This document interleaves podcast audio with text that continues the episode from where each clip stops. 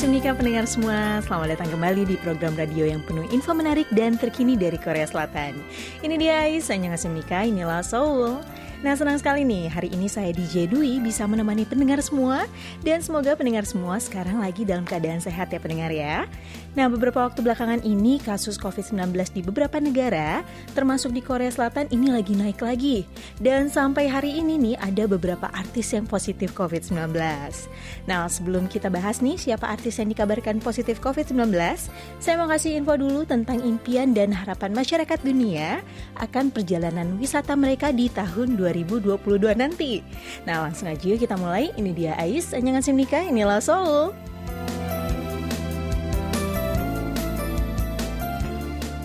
Nah, setahun yang lalu di akhir tahun 2020, saya udah ngebayangin nih, kalau tahun 2021 ini kita bisa mulai hidup normal lagi kayak sebelum pandemi. Tapi ternyata sepanjang tahun 2021 ini kita masih harus terus berhadapan dengan virus COVID-19 yang terus bermutasi. Dan lonjakan kasus baru yang berulang kali terjadi ya pendengar selama tahun ini. Nah, dua tahun belakangan ini emang berat banget nih buat kita semua. Bukan cuma untuk saya saja dan untuk pendengar, tapi juga bagi masyarakat di seluruh dunia.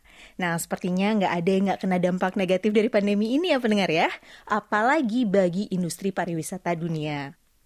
Ya, industri pariwisata dunia adalah salah satu yang mengalami dampak negatif paling besar ya selama pandemi ini. Jadi selama pandemi ini berlangsung, industri pariwisata dunia seperti mati kutu nih pendengar. Banyak negara yang menutup rapat-rapat pintu negara mereka dan nggak sedikit juga nih maskapai penerbangan yang bangkrut. Dan tentu saja nih destinasi-destinasi wisata di berbagai wilayah dan negara yang juga ikut kehilangan pendapatan. Nah tapi itu bukan berarti kita nggak punya harapan ya pendengar untuk masa depan industri pariwisata dunia. Karena menjelang tahun baru ini kita harus optimis nih kalau tahun depan seluruh kegiatan pariwisata lokal maupun internasional ini bisa beroperasi kembali. Nah misalnya nih ya mulai tahun depan pendengar di rumah sudah bisa kembali traveling. Apa aja sih harapan dan keinginan pendengar semua untuk perjalanan wisata pendengar nantinya? Nah, ada sebuah riset nih tentang prediksi travel 2022 yang dilakukan oleh sebuah agensi perjalanan pariwisata pada lebih dari 24 ribu traveler di 31 negara di dunia, termasuk Amerika, Australia, Kanada, Jerman, Prancis, Jepang, Korea Selatan, dan juga Singapura. Jadi dalam riset ini, pihak agensi ini menanyakan beberapa hal pada responden secara online tentang perjalanan wisata mereka dalam 12 hingga 24 bulan ke depan. Nah hasilnya nih, Ternyata 60% responden ini sangat ingin berkunjung ke tempat baru dan bertemu dengan orang baru saat liburan nanti. Mereka juga ingin kembali menikmati kembali kebebasan bertemu dengan banyak orang baru dan tetap menjalin hubungan baik bahkan setelah selesai berwisata. Nah, pendengar pasti pernah dengar kan ya tentang jalan-jalan atau traveling baik untuk kesehatan mental. Ternyata 79% dari responden juga mengatakan hal yang sama nih pendengar. Bagi mereka, traveling ini bisa mendukung kesehatan mental dan juga emosional mereka lebih dari yang lain. Dan bisa traveling bareng teman atau keluarga, belajar bahasa asing, mencoba makanan baru, dan merasakan budaya baru, hal-hal ini dianggap jadi bentuk self-care terbaik bagi mereka. Nah yang gak kalah di nanti-nanti dari wisata tahun 2021 adalah merasakan sensasi pertama saat perjalanan. Ada orang yang selama perjalanan wisata itu maunya cepat sampai karena nggak betah nih lama-lama di jalan, tapi ada juga yang menikmati tiap detik perjalanan ia lalui. Ternyata 75% responden ini merasa bahwa perjalanan ke tempat wisata ini akan lebih menyenangkan jika dianggap sebagai bagian dari pengalaman wisata itu sendiri. Menikmati kendaraan yang naiki, lalu cuacanya, pemandangan yang berbeda-beda sepanjang perjalanan, dan rasa deg-degan nih nggak sabar sampai di tempat tujuan. Nah, kita juga bisa terus mengandalkan kecanggihan teknologi untuk memprediksi hal-hal yang sebelum dan selama wisata akan terjadi. Nah, selama dua tahun terakhir ini kan kita emang dituntut ya untuk selalu up to date sama hal-hal yang terjadi di sekitar kita nih pendengar. Bisa jadi tentang jumlah kasus baru COVID-19 atau tentang lockdown atau tempat mana aja yang belum bisa atau sudah bisa dikunjungi dan juga aturan perjalanan yang berubah-berubah. Nah, menurut 63% responden, mereka ini percaya kalau teknologi ini bisa mengendalikan resiko kesehatan selama traveling dan juga bisa mengurangi kekhawatiran mereka. Dan yang paling penting nih pendengar, waktu liburan benar-benar harus dipakai untuk liburan, bukan sambil bekerja. Jadi 73% responden mengatakan bahwa liburan mereka nanti harus bebas dari urusan kerja. Nah, kalau yang satu ini sih saya 100% setuju ya pendengar. Sudah dua tahun ini walaupun pandemi kita nggak bisa bebas dari yang namanya kerjaan. Ditambah Apalagi dengan WFH atau work from home, ini malah bikin kerjaan makin banyak ya nggak sih? Nggak di rumah, nggak di kantor, kerjaan tuh kayak nggak habis-habis. Bener nggak sih pendengar? Dan kerjaan yang numpuk tapi nggak diimbangi dengan kesempatan liburan. Wah, jangan sampai ya hal ini terjadi lagi di perjalanan wisata pendengar semua tahun depan. Ternyata baik juga nih pendengar, harapan dan juga keinginan dari masyarakat dunia untuk perjalanan wisata mereka di tahun depan.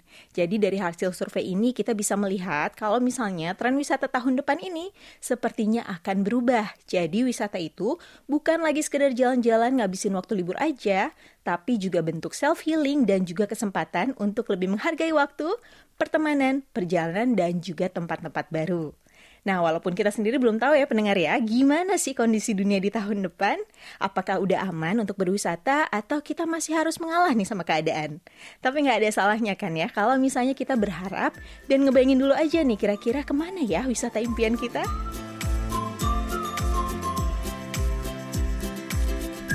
Kembali lagi bersama saya DJ Dwi di Anjana Semnika, inilah Seoul. Nah dari industri pariwisata sampai industri kuliner di seluruh dunia, ini ikut merasakan dampak negatif dari pandemi. Udah nggak kehitung lagi ya berapa jumlah restoran favorit saya nih yang harus tutup karena pandemi pendengar.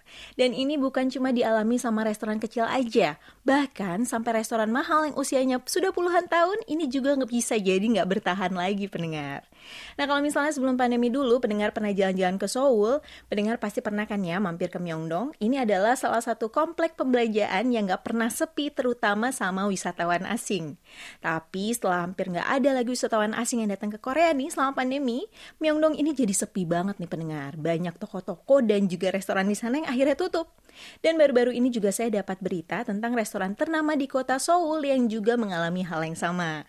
Jadi sebuah restoran ala barat pertama di Korea ini umurnya hampir 100 tahun loh pendengar. Ini pada akhir November lalu mereka terpaksa harus menutup usaha mereka akibat pandemi. Namanya adalah Seoul Station Grill. Ini adalah restoran dengan menu utama steak hamburger ini ternyata mengalami masa-masa sulit selama pandemi ini. Dan menurut salah seorang karyawannya, bangunan restoran yang ada di lantai 4 di stasiun Seoul ini akan direnovasi dan akan diubah jadi sebuah komplek restoran fine dining. Padahal nih ya, restoran ini tuh punya punya sejarah yang panjang banget dan telah melalui banyak masa kritis sebelum akhirnya benar-benar tutup di tahun ini. Jadi Seoul Station Grill ini buka pertama kali di tahun 1925 dan jadi restoran pertama yang mengenalkan menu barat pada masyarakat Korea di masa kolonial Jepang. Jadi restoran ini pernah melewati masa-masa sulit saat perang Korea dulu di tahun 50-an dan bahkan saat krisis finansial di tahun 1997. Nah sayangnya kali ini restoran ini nggak mampu lagi bertahan ya pendengar ya dan terpaksa harus tutup tahun ini. Jadi restoran ini juga menyimpan banyak sekali kenangan bagi generasi lansia di kota Seoul. Yang katanya nih dulu restoran ini itu jadi salah satu tempat kencan terbaik di tahun 80-an. Dan sementara bagi anak mudanya nih, restoran ala barat ini juga jadi kenangan masa kecil mereka karena pernah diajak orang tuanya nih makan di sini. Makanya nggak heran ya kalau banyak pelanggan yang kecewa banget dengan penutupan restoran ini. Apalagi umurnya yang hampir menyentuh 100 tahun. Dan berkat Seoul Station Grill ini, masyarakat Seoul juga jadi lebih akrab dengan menu-menu makanan barat.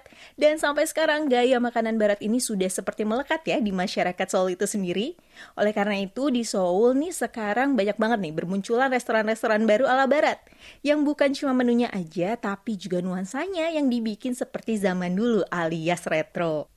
Dan pada akhir tahun 2021 ini diprediksi kalau restoran bertema retro ini akan makin populer di Seoul setelah Seoul Station Grill ini tutup.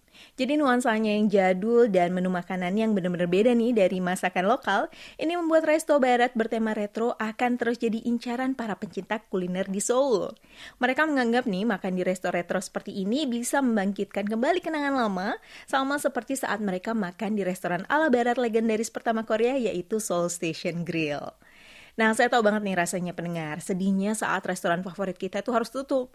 Bukan cuma sekedar kehilangan makanan favorit dan tempat nongkrong aja, tapi yang terpenting ini kenangannya pendengar. Kenangan-kenangan yang nggak bisa dibeli dengan apa pun. Tapi ya seperti itulah ya, namanya juga dunia bisnis. Ada saatnya kita sukses besar, ada juga saatnya kita susah sampai harus bangkrut nih. Semoga aja ya kehadiran resto-resto retro lainnya di kota Seoul ini bisa sedikit mengobati dan bisa jadi alternatif untuk para pencinta kuliner barat di kota Seoul.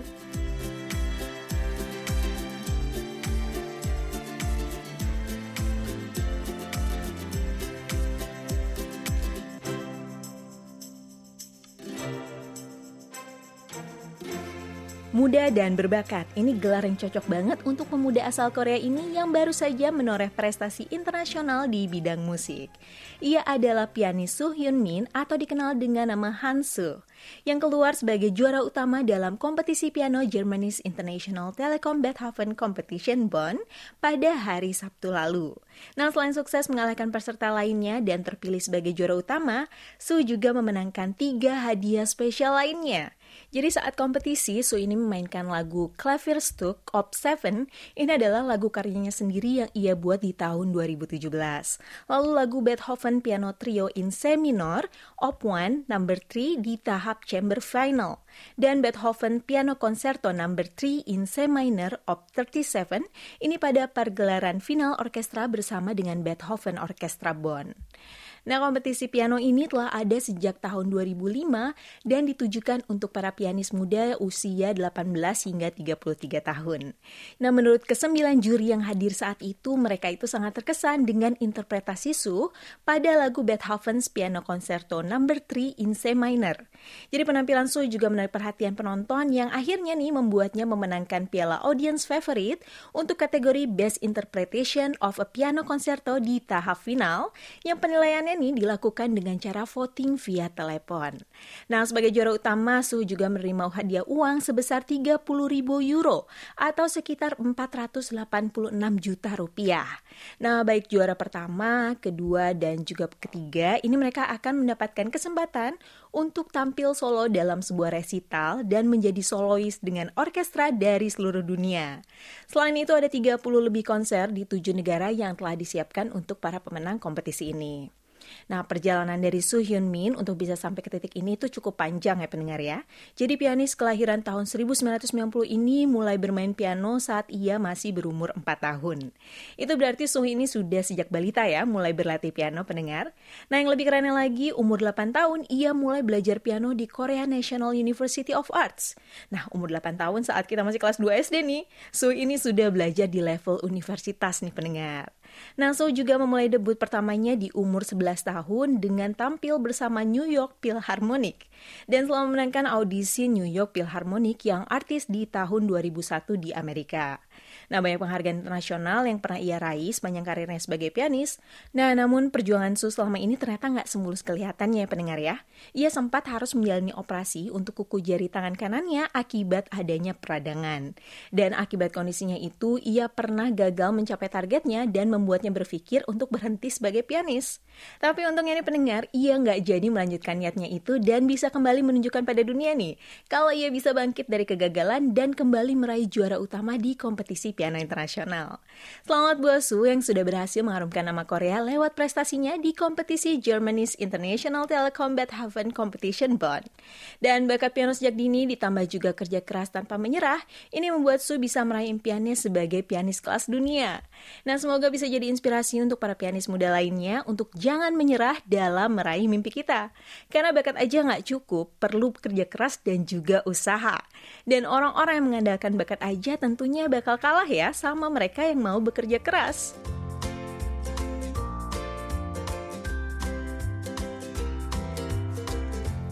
tahun udah mau berganti nih, tapi pertanyaan yang didapat tetap sama. Udah punya pacar belum? Ayo, siapa nih yang sampai sekarang masih sering dapat pertanyaan kayak gitu? Pasti kesel banget kan pendengar? Udah tahu lagi pandemi, susah ke mana-mana, ke kampus, ke sekolah, atau ke kantor juga susah. Jadi mau gimana dapet jodoh ya nggak sih pendengar? Nah, tapi pendengar nggak perlu khawatir lagi, pendengar bisa ngikutin cara anak mudanya Korea dalam mencari jodoh selama pandemi ini. Jadi kampus-kampus kan banyak yang tutup ya, jadi mau ketemu teman itu susah. Dan akhirnya bikin anak-anak muda Korea ini kesulitan mencari teman baru dan juga pacar nih pendengar. Tapi pendengar, anak-anak muda Korea ini nggak nyerah ya. Mereka manfaatin dating app atau aplikasi kencan sampai komunitas online untuk cari teman baru.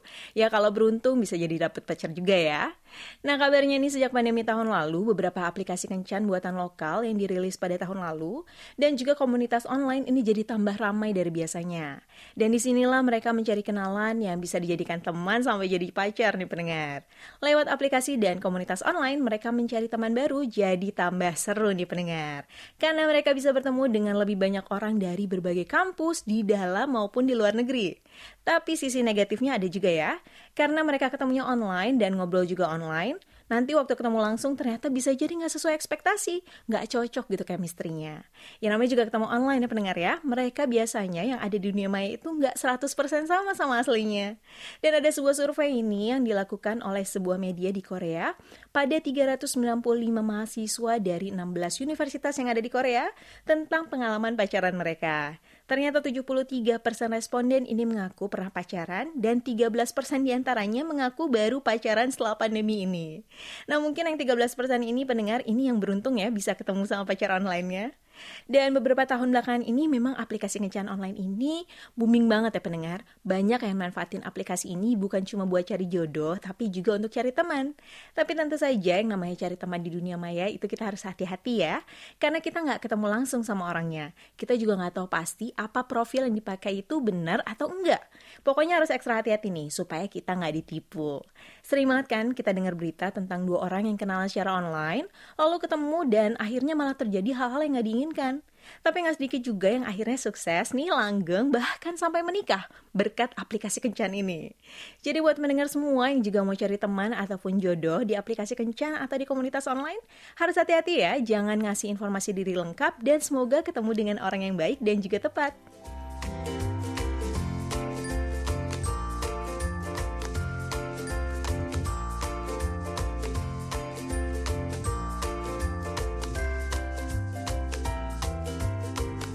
Pendengar udah tahu kan kalau beberapa waktu belakangan ini kasus COVID-19 di Korea Selatan ini lagi naik drastis. Bahkan pada tanggal 8 Desember lalu ini sempat mencetak rekor lebih dari 7.000 kasus COVID per harinya pendengar. Nah Korea Selatan juga sekarang tengah menghadapi gelombang baru kasus COVID-19 dengan kasus yang terus berada di atas 5.000 kasus per harinya. Nah, yang mewujudkan nih dari gelombang baru COVID ini adalah karena mulai banyak artis-artis Korea yang terkena sama virus berbahaya ini. Nah, beberapa waktu lalu ini Lisa Blackpink ini sempat diketahui positif COVID-19. Lalu ada aktris Yoon Eun Hye dan yang terbaru nih pendengar yaitu MC kondang Korea kesayangan kita semua yaitu Yoo Jae Sok. Ia juga dikabarkan positif COVID-19. Nah, Yoo Jae Sok ini dinyatakan positif terinfeksi COVID-19 pada hari Senin kemarin. Nah, pihak agensi yaitu Antena mereka telah mengkonfirmasi hal ini dan mengatakan bahwa seluruh kegiatan Yoo Jae Suk ini telah dibatalkan. Kini sang artis tengah menjalani isolasi mandiri sesuai dengan arahan dari otoritas kesehatan Korea Selatan untuk mencegah penyebaran yang lebih luas lagi. Lalu pihak agensi juga menegaskan mereka akan berupaya penuh demi kesehatan dan juga keselamatan dari artis dan juga staf mereka sesuai dengan protokol kesehatan yang ada.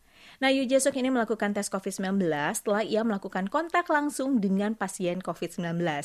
Ia telah melakukan dua kali tes, yang pertama itu pada tanggal 11 dengan hasil yang negatif, namun tes kedua pada tanggal 13 Desember lalu ini hasilnya positif. Yu Jesuk juga diketahui sudah mendapatkan vaksin COVID-19 dosis kedua di bulan September lalu. Di balik kabar tentang komedian Yu Jesuk yang positif COVID-19, ada juga nih kabar baik dari Yu Jesuk yang lagi-lagi dinobatkan sebagai komedian terbaik di tahun 2021. Nah, pria berusia 49 tahun ini menempati posisi pertama kategori penyiar hiburan atau komedian Person of the Year dengan perolehan suara 56,9 persen. Dan dengan pencapaian ini berarti Yu Jesuk Suk telah memegang gelar sebagai komedian terbaik selama 10 tahun. Posisinya ini sempat tergeser di tahun 2010 dan 2011, namun ia berhasil merebut kembali gelarnya di tahun 2012 dan mempertahankannya hingga sekarang. Sekali lagi selamat untuk Yu Jesuk, MC kesayangan kita semua pendengar. Rasanya nih kalau suatu acara dibawakan oleh Yu Jesuk itu jadi lebih hidup ya nggak sih pendengar? Dengan keahliannya sebagai MC dan juga jiwa komedinya nih yang selalu bisa menghibur, ini bisa bikin banyak orang jatuh cinta sama MC kondang ini. Sekarang kita doakan saja ya, semoga Yu Jesuk bisa segera pulih dan bisa beraktivitas kembali kembali.